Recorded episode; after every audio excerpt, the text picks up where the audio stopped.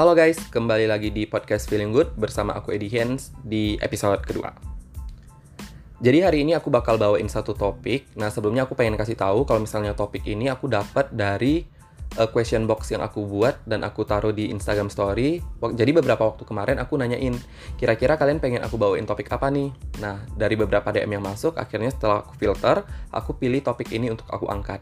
Jadi topiknya itu adalah quarter life crisis. Nah, quarter life crisis.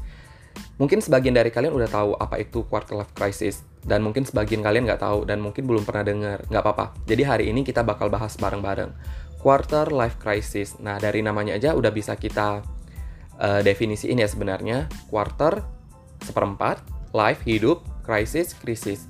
Jadi ini sebenarnya banyak sih definisinya, cuman secara general bisa kita artiin sebagai berikut.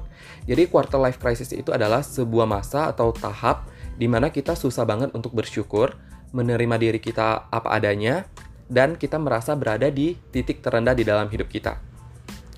Jadi quarter life crisis ini terjadi di range umur sekitar 20 25 tahun sampai di 30 tahun awal.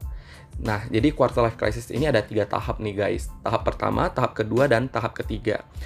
Quarter life crisis ini bakal dialamin semua orang, dan itu merupakan hal yang wajar.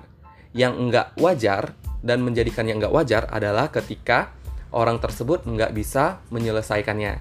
Jadi gejala-gejala uh, quarter life crisis apa nih? Sebenarnya untuk gejalanya beda-beda ya. Setiap orang yang ngalamin itu beda-beda. Cuman efek sampingnya itu hampir rata-rata sama, yaitu berujung ke sakit hati, ke iri hati, dengki, atau enggak yang paling parah adalah depresi. Nah, jadi tahap pertama, quarter life crisis itu biasa menyerang di uh, orang-orang berumur 20 tahun. Di mana orang-orang 20 tahun uh, itu adalah orang-orang yang setelah lulus kuliah.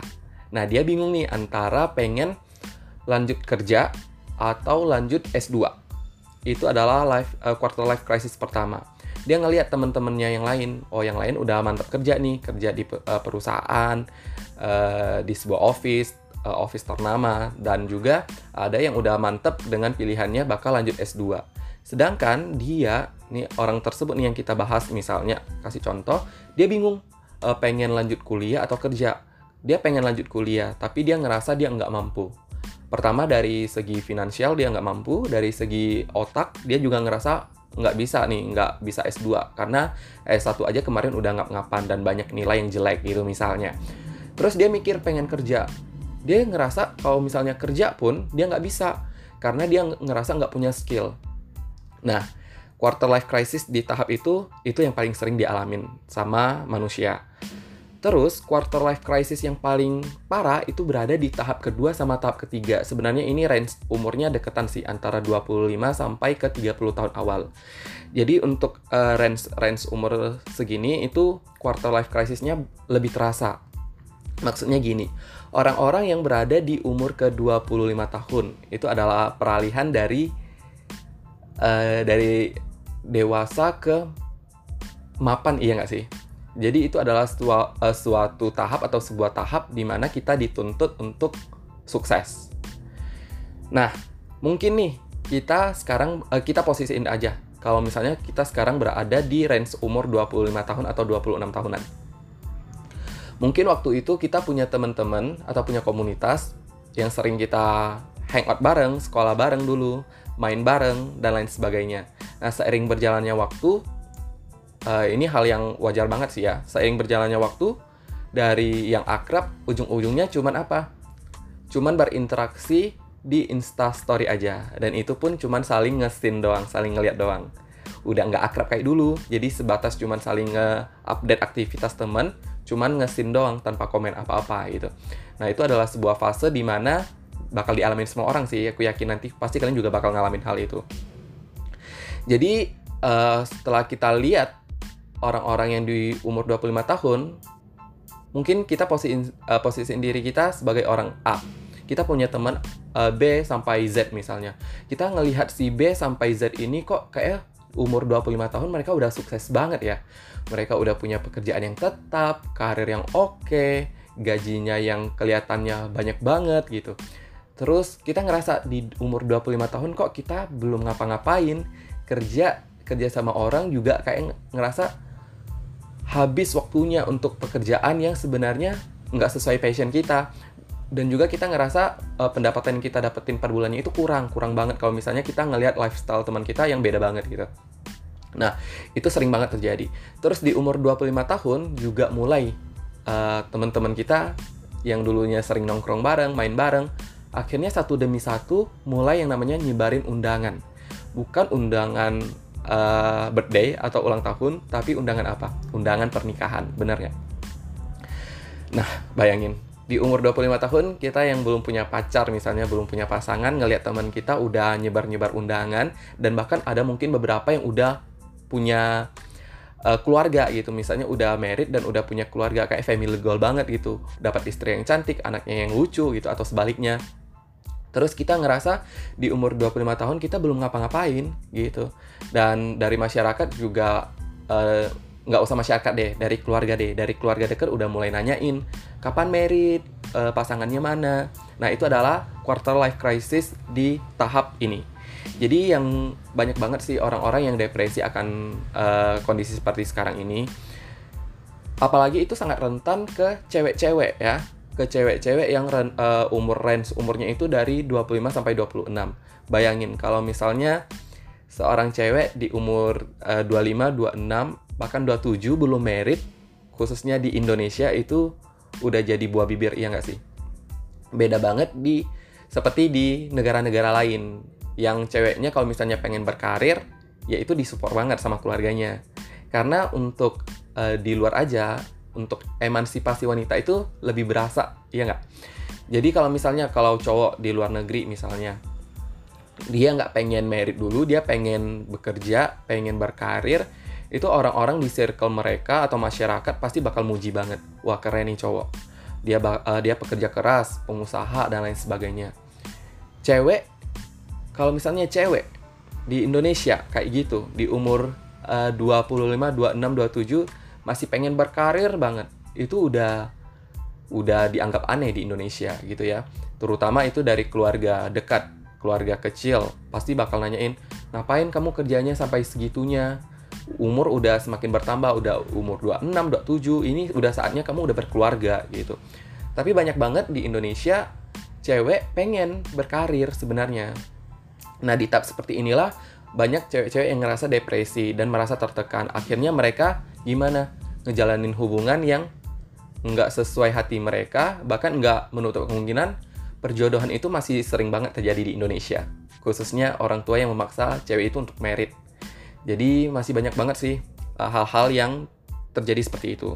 Nah, itu adalah tahap di mana orang-orang merasa uh, gimana ya, tuntutan hidup itu semakin berat dan semakin besar. Ketika kita nggak ada punya pilihan, kita nggak bisa ngapa-ngapain, akhirnya kita terjatuh ke dalam circle tersebut yang disebut quarter life crisis. Nah, seiring berjalannya waktu, quarter life crisis semakin menjadi, teman-teman. Jadi, maksudnya menjadi gimana nih? muncullah yang namanya sosial media. Sosial media kita tahu ya banyak banget jenisnya. Ada Twitter, ada Snapchat, ada Facebook, Instagram, dan lain sebagainya. Cuman sosial media yang paling menjadi toxic untuk akhir-akhir ini adalah Instagram. Pasti kalian setuju banget. Kenapa aku bilang Instagram? Karena Instagram itu kalau misalnya kita nggak bisa pergunakan sebaik mungkin, kita bakal menjadi salah satu orang yang nggak bisa bersyukur. Maksudnya gini, kita ngelihat uh, teman kita di Instagram. Kayaknya hidupnya perfect banget ya. Lifestyle-nya oke sering uh, liburan ke luar negeri sekali nge-story keluar makannya makan enak makan enak terus gitu. Terus mereka sekali story dikelilingi sama orang-orang yang akrab banget kelihatannya. Uh, sayang banget sama dia. Terus juga kita ngelihat kok kayaknya hidup mereka kayak seru banget ya. Nah dari sana aja kita udah ngerasa kita udah ngebanding-bandingin hidup kita nih dengan mereka dan kita pengen punya hidup seperti itu. Terus kita ngeliat lagi nih, muncul yang namanya selebgram, influencer dan lain sebagainya. Yang kita lihat postingannya kok kayaknya seru-seru banget ya. Misalnya, ih kok dia dapat endorse terus sih? Bukan cuma dapat produk tapi juga dapat penghasilan gitu. Nah, mulai deh keinginan kita untuk menjadi seorang selebgram, menjadi seorang influencer. karena kita nggak punya kemampuan, kita nggak punya kelebihan, akhirnya muncul berbagai cara. Salah satunya apa? Beli likes, beli followers. Nah, itu kita udah masuk ke tahap yang bahaya sih sebenarnya. Sampai beli like, sampai beli followers, itu hanya untuk menunjukkan kita mampu, kita bisa, kita perlu pengakuan. Nah, itu adalah life crisis, uh, quarter life crisis sesungguhnya di dunia media sosial. Itu udah parah banget. Nah, aku salah satunya sih contohnya. Jadi di Instagram aku nggak ada yang namanya follow selebgram. Kenapa tuh? Jadi uh, alasannya itu sebenarnya kenapa? Alasannya simple. Karena pertama kalau misalnya aku follow selebgram, selebgram itu kan adalah orang-orang yang menunjukkan aktivitasnya, kehidupannya yang mewah, yang glamor gitu ya. Kalau misalnya lihat fashionnya dan lain sebagainya, kita sering pantengin dan seolah-olah kita pengen jadi diri mereka gitu bener nggak? Jadi aku sangat meminimalisir itu. Jadi untuk di Instagram aku bener-bener ngefollow orang-orang yang deket sama aku gitu dan yang aku kenal secara secara dekat gitu. Kalau misalnya pun ada artis, ya mungkin adalah satu dua yang menjadi uh, role model aku gitu. Tapi bukan untuk selebgram gitu. Kalau selebgram aku nggak ada satupun yang aku follow karena aku nggak pengen jatuh ke circle di mana aku nggak bisa bersyukur dengan apa yang aku punya. Karena manusia itu sangat rentan yang namanya pengen mengingini milik orang lain. Benar nggak? Kita pengen menjadi seperti dia, kita pengen pakai pakaian dia, kita pengen makan makanan yang seperti dia makan, dan lain sebagainya. Karena tujuan seorang selebgram ya selain dia berpengaruh, dia sharingin hal-hal yang menurut orang wah mewah banget, ya kita bakal pengen jadi seperti dia gitu dan itu nggak sehat banget untuk mental health kita. Terus juga aku pernah nonton uh, satu konten di YouTube. Dia seorang youtuber. Dia seorang youtuber nih. Jadi dia hidupnya perfect banget guys. Jadi dia kayak terlahir di keluarga yang lengkap gitu ya. Ada papa, ada mama. Terus dia juga kayak disayang banget sama keluarganya. Dan kehidupannya tuh mewah banget, glamor banget. Rumahnya gila, tajir banget gitu ya terus ke mana-mana pakai mobil dan lain sebagainya pergi ke mana-mana pokoknya pakaiannya outfitnya keren-keren terus dia juga dapat pasangan yang kayaknya sayang banget sama dia gitu. Jadi seolah-olah kita sekali lihat itu hidupnya perfect banget ya. Kok keren banget ya? Terus karena aku tipe orang yang ngelihat hidup itu perfect dan udah mulai bimbang nih pengen ngikutin dan lain sebagainya aku coba-coba iseng buat ngelihat komentar di kontennya. Dan tau nggak mostly 90% adalah orang-orang yang muji kehidupan dia. Katanya, duh pengen banget punya kehidupan kayak Kak Tit gitu namanya ya. Pengen banget punya orang tua yang sayang ini, pengen banget punya pacar yang bisa kayak gini. Padahal kita sebenarnya nggak tahu tuh itu benar-benar atau enggak. Itu benar-benar atau itu hanya settingan untuk sebuah konten untuk hal like ramai. Mungkin oke okay. dari keluarganya mungkin emang kaya. Cuman kita nggak bakal tahu uh, keluarganya apa bakal seperfect itu keluarganya emang bakal seperti itu kelihatannya. Mungkin bisa aja iya tapi bisa aja enggak gitu. Karena di sosial media baik di Instagram di YouTube orang-orang hanya sharingin hal-hal yang menurut mereka bagus. Mereka nggak bakal sharingin hal-hal yang jelek nggak bakal sharingin hal-hal yang yang sedih yang buat mereka nggak bernilai gitu. Jadi menurut aku quarter life crisis ini sebenarnya bahaya banget kalau misalnya kita nggak bisa ngendaliin diri jadi kalau misalnya kita bisa ngendalin diri, quarter life crisis ini akan kita alami, tapi nggak bakal berdampak apa-apa. Tapi kalau misalnya kita nggak bisa bersyukur, kita nggak bisa menerima apa adanya dengan diri kita dan apa yang kita miliki, itu udah yang namanya parah. Itu bakal buat orang depresi, iri, dan dengki, teman-teman. Jadi, ya seperti itulah quarter life crisis. Jadi untuk uh, meminimalisir quarter life crisis apa sih? Caranya gimana sih? Salah satunya adalah bersyukur. Jadi intinya bersyukur deh. Bersyukur uh, kalau misalnya hari ini kita masih hidup. Bersyukur hari ini kita masih punya keluarga. Bersyukur hari ini kita masih bisa bekerja. Di saat kita ngerasa gaji kita mungkin kecil, tapi coba lihat di luar sana masih banyak banget orang-orang yang susah mau kerja, di saat kita berangkat kerja, mereka berangkatnya ke mana? Mereka berangkatnya bikin surat lamaran dan mereka ngelamar di mana-mana. Bayangin kalau misalnya kita berada di posisi tersebut, itu bakal stres banget. Tapi sekarang kita udah punya pekerjaan, kita udah bekerja, dan kita patut mensyukurinya. Walaupun uh, gaji atau pendapatan nggak memuaskan ya kerja aja dulu gitu karena kalau misalnya ke depannya ada kesempatan ada peluang uh, kitanya bagus kerjanya pasti kita bisa dipromosiin untuk naik jabatan. Atau enggak di lain kesempatan kita punya peluang untuk join ke perusahaan yang lebih besar dan yang lebih stabil. Dan seperti itu. Nah intinya kita harus bersyukur kita harus menerima diri kita apa adanya dan kita mulai membagikan positive vibes untuk sekitar kita. Kita harus nunjukin ke orang-orang walaupun kita hidupnya enggak yang mewah-mewah banget tapi kita tuh seneng loh kita terima diri kita apa adanya dan kita selalu bersyukur.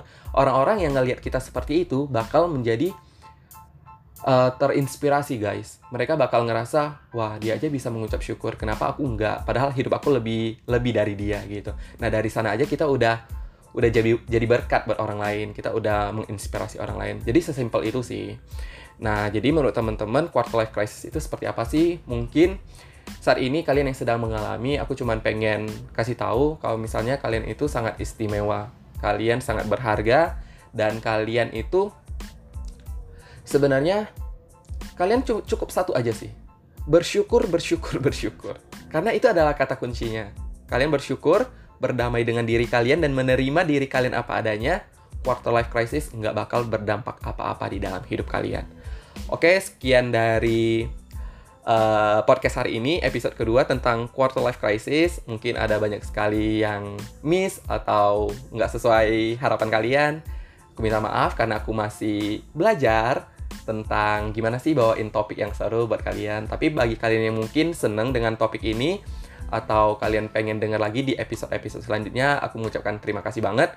Dan aku bakal selalu open question di Instagram story aku untuk ngebahas topik apa selanjutnya. Nah, kalau misalnya teman-teman punya ide atau pengen dibawain topik apa gitu, kalian bisa request di Instagram story aku. Nah, Instagram aku itu di @edihiens, e d y h i e n z